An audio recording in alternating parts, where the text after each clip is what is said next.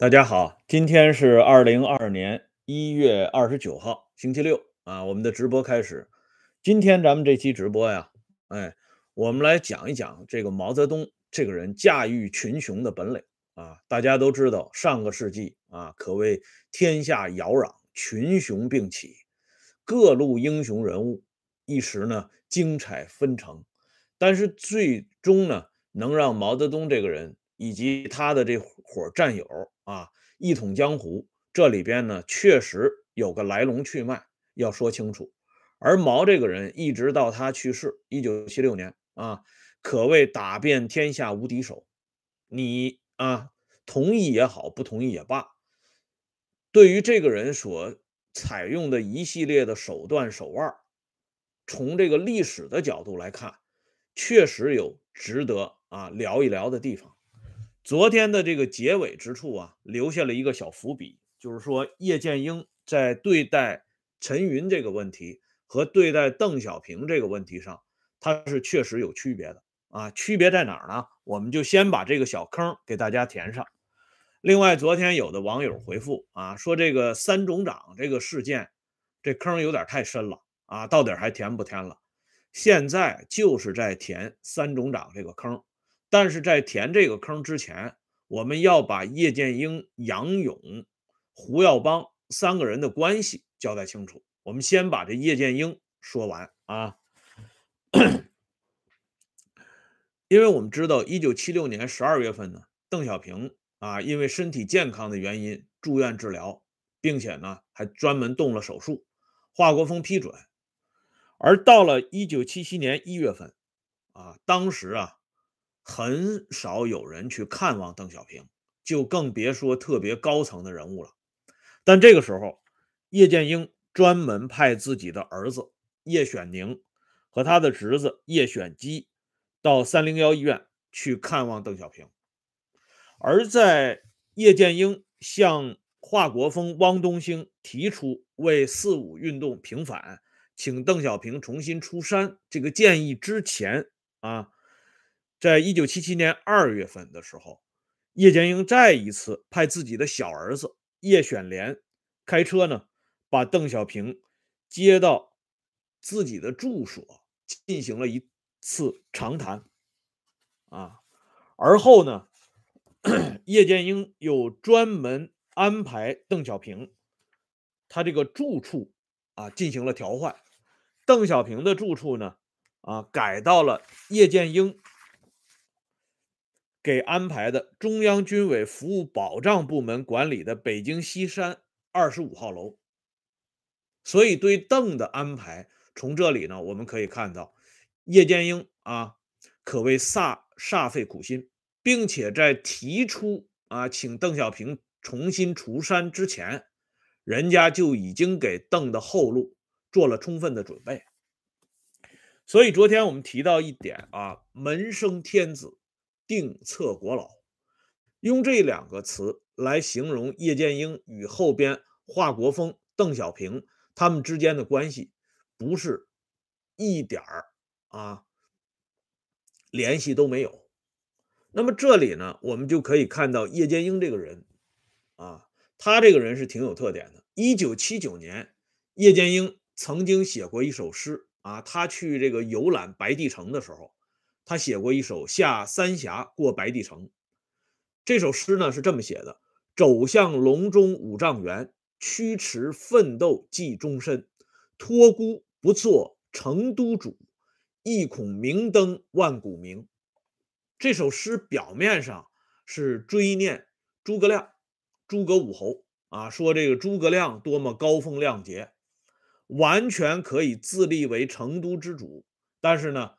他仍然牢记刘备在白帝城的托孤之言，辅佐后主，一直到他自己最后尽瘁在五丈原。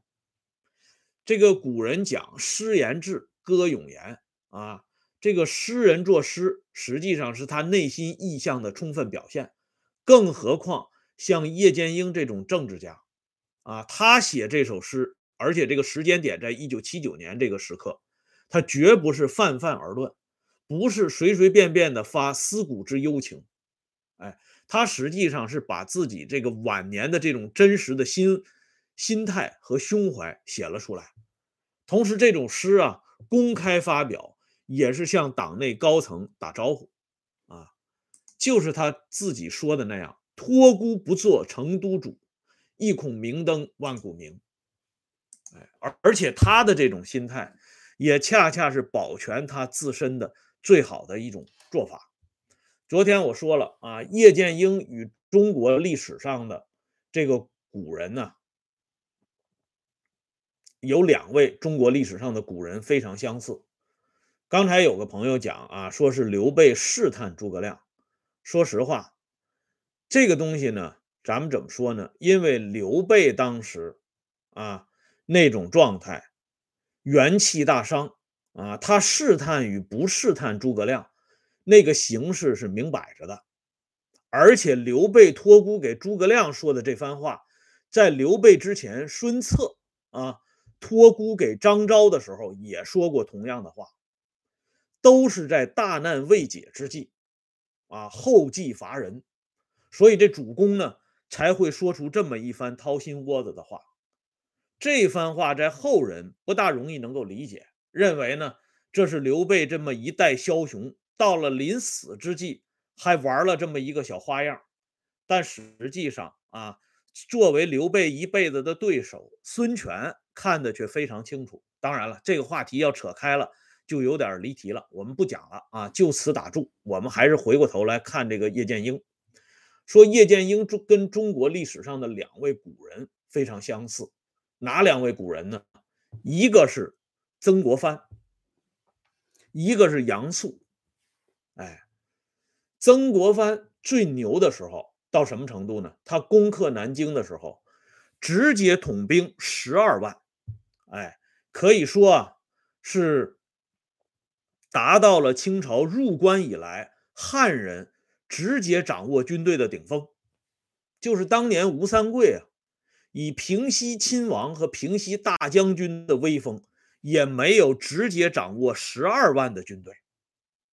曾国藩破了记录了，而且后无来者，到一直到清朝被推翻，也没有哪一个人直接掌握军队到十二万。袁世凯最牛的时候，北洋六镇也不过是八万人。哎，曾国藩自己说过：“长江三千里，几无一船不张鄙人旗帜。”这话翻译到今天什么概念呢？就是说。三千里滚滚而流的长江上边，所有的这些舰船上都要打着曾国藩的旗号。哎，就是说曾国藩这个人在当时气焰嚣张到这种程度，可是他能够全身而退。哎，还一个人呢，就是隋朝的尚书令杨素。这个尚书令啊，在隋朝有这个官儿。却没有这个人，因为这个位置太崇高了，皇帝绝不会授予任何一个臣子来担任这样的角色。其实到了唐朝也一样，除了像李世民、郭子仪这样的人物才配当这个尚书令，其他的人就不用聊了。可是隋朝唯一的一位尚书令就是这位杨素。杨素这个人啊，大家这个读《隋唐演义》也好看真实的这个历史也好。大家都知道啊，这个杨素是一代名将，非常厉害，哎，但是杨素这个人呢，呃，同时也是一位诗人，哎，他写过一首非常有名的诗《赠薛波洲》啊，写了十四首，哎，这个诗呢写的是非常的哀婉，哎，就是衔杯向南府，寒色暗沉沉，风起洞庭险。烟生云梦深，哎，还有这个啊，北风吹故林，秋声不可听，唯有孤城月，徘徊独林映。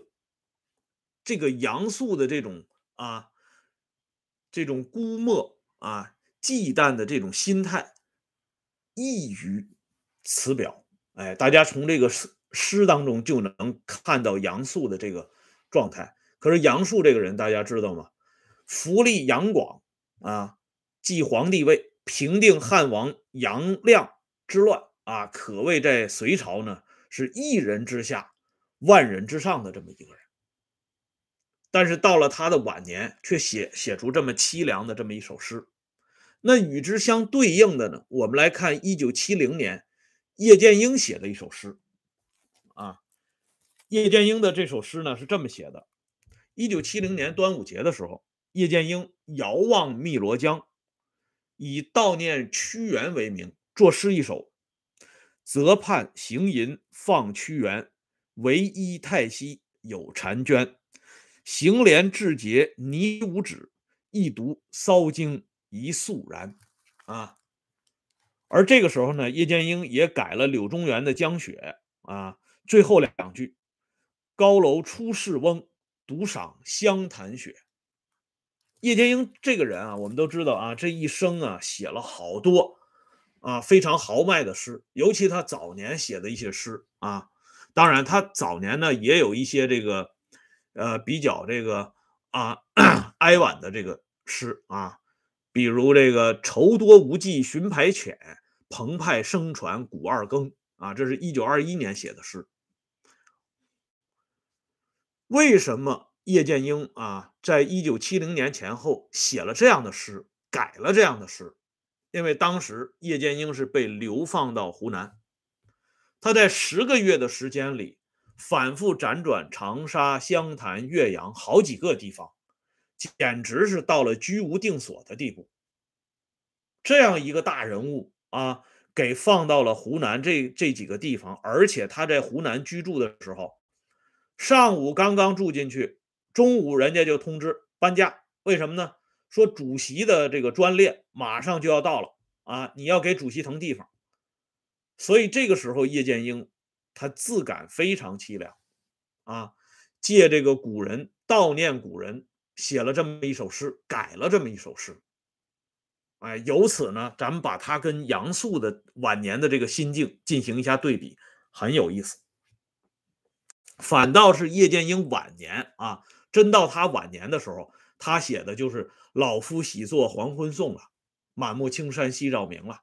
哎，他这个晚年啊，跟曾国藩的晚年与杨素的晚年截然不同。这就在于叶剑英这个人真正做到了全身而退。而在对叶剑英的使用问题上。恰恰让我们看到毛泽东这个人驾驭群雄的本领。哎，叶剑英这种人呢，我之前的节目跟大家讲过了，他是老谋深算，这一点毋庸置疑。但是他没有山头，没有羽翼，这样的人啊，一拉一打，一收一合。完全取决于毛泽东，用好了，这就是一个非常重要的催化剂；用糟糕了，就有可能起反作用。所以，对叶剑英的大开大合、大起大落这个上边，毛泽东拿捏的是极具分寸。除了他晚年啊，在九幺三事件之后，毛泽东进退失据啊，被打懵了以外，之前他在叶剑英这个问题上。处理的是相当的精当，反映出毛这个人这种枭雄的气质。哎，所以像叶剑英这样的人，也只有毛才能够驾驭。到了华国锋，甚至到了邓小平、陈云的时候啊，对待叶剑英，你只能打板供着。哎，所以你看，毛泽东明明把叶剑英赶出北京，因为两个大闹。大闹京西宾馆，大闹怀仁堂，啊，叶剑英都充当了主角，所以毛泽东根本不可能放过他，把他轰出北京，以示薄惩，小惩大戒，哎，让你坐两年冷板凳，让你知道不按照老大的意思行事的后果是什么。叶剑英的女儿啊，他们都有过回忆，说老爹那个时候是孤独一人呐。非常凄凉，哎，把他放在长沙。可是毛泽东呢，临别有一句话，说把建英放到湖南，因为这个地方呢可南可北，将来打仗的时候，湖南是重点，我还有借重建英的地方。哎，就这么一句话，足以让叶剑英心生希望，不会断了你的念想。哎，所以对叶剑英这个人的使用，毛泽东始终是掌握在手掌心的。哎，由此呢，我们可以看到啊，为什么在邓陈体系，就是邓小平、陈云这个体系完成之后啊，这个官僚集团在中国完成这个啊基本的统治稳固之后，吹捧毛泽东。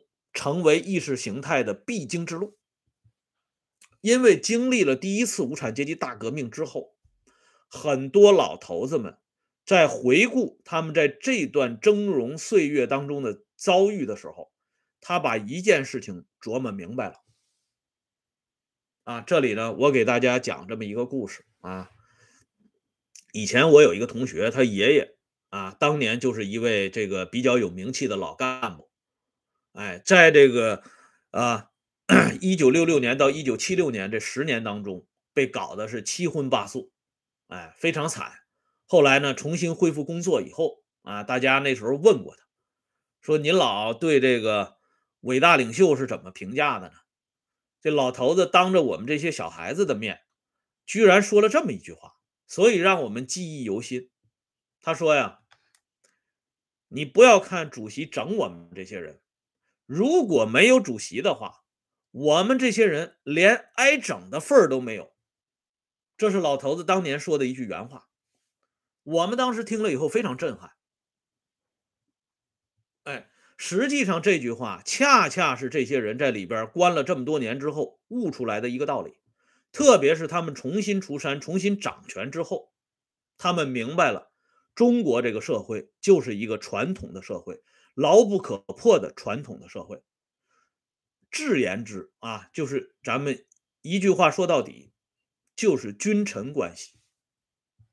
君要臣死，臣不得不死，永远都是君臣关系。老大就是皇上，你就是臣子，就是奴才。所以主子收拾奴才，这是题中应有之意。你抱怨，你没啥可抱怨的。自己当了主子以后，也是照章办事一样。哎，邓陈体系确立之后，邓陈就是主子。哎，邓小平自己不讲吗？啊，每个月我去陈云同志那里一次，哎，去陈云他们家一次，把这个大政方针决定了，在邓小平家里就可以开生活会，拿掉两任总秘书。那不是老大是什么呢？不是皇上又是什么呢？只不过不拘皇帝的名义而已，所以，在他们重新确立这个统治与被统治关系之后，吹捧毛泽东，恢复毛的神坛地位，也是题中应有之义。这就是为什么到了公元一九九零年之后，毛泽东又一次成了香饽饽，重新逐渐的走回神坛，一直到今天，每到这个纪念日啊。咱们就不说湖南香烟缭绕，似乎全国各地都相当沸腾啊！因为中国人有一句话嘛，毛泽东让中国人民站起来，邓小平让中国人民富起来啊！当然了，中国人民不计较，就是说毛泽东让中国人民站起来之前，中国人民实际上是在坐着啊！这个站起来其实是罚站，哎。而这个让中国人民富起来，到底是富裕的富，还是负能量的富？这个呢也不计较。这个上一次我在讲这个谁是改革开放的真正受益者那期节目呢，我给大家说过，我说这个今天的网络语言有一句话发明的非常到位，叫地命海心啊，地沟油的命，中南海的心，实际上。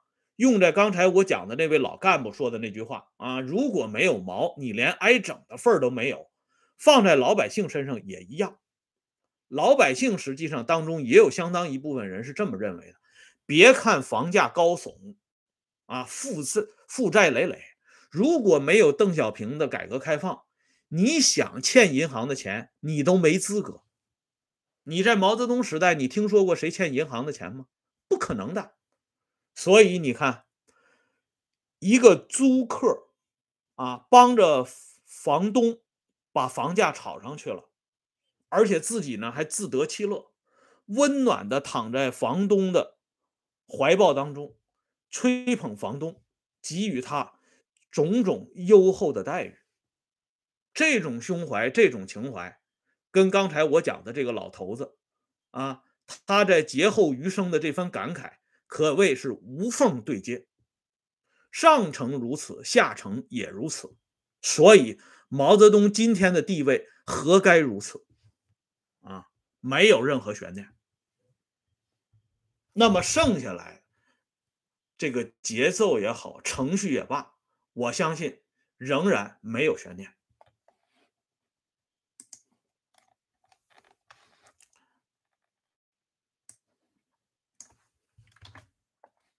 好了，今天呢，咱们这期节目呢，就说到这里啊。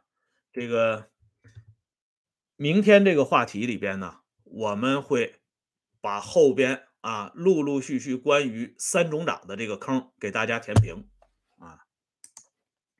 欢迎大家关注温相会员频道，经常有更新啊。定期我们就上传一些比较有意思的视频啊，供会员朋友们欣赏。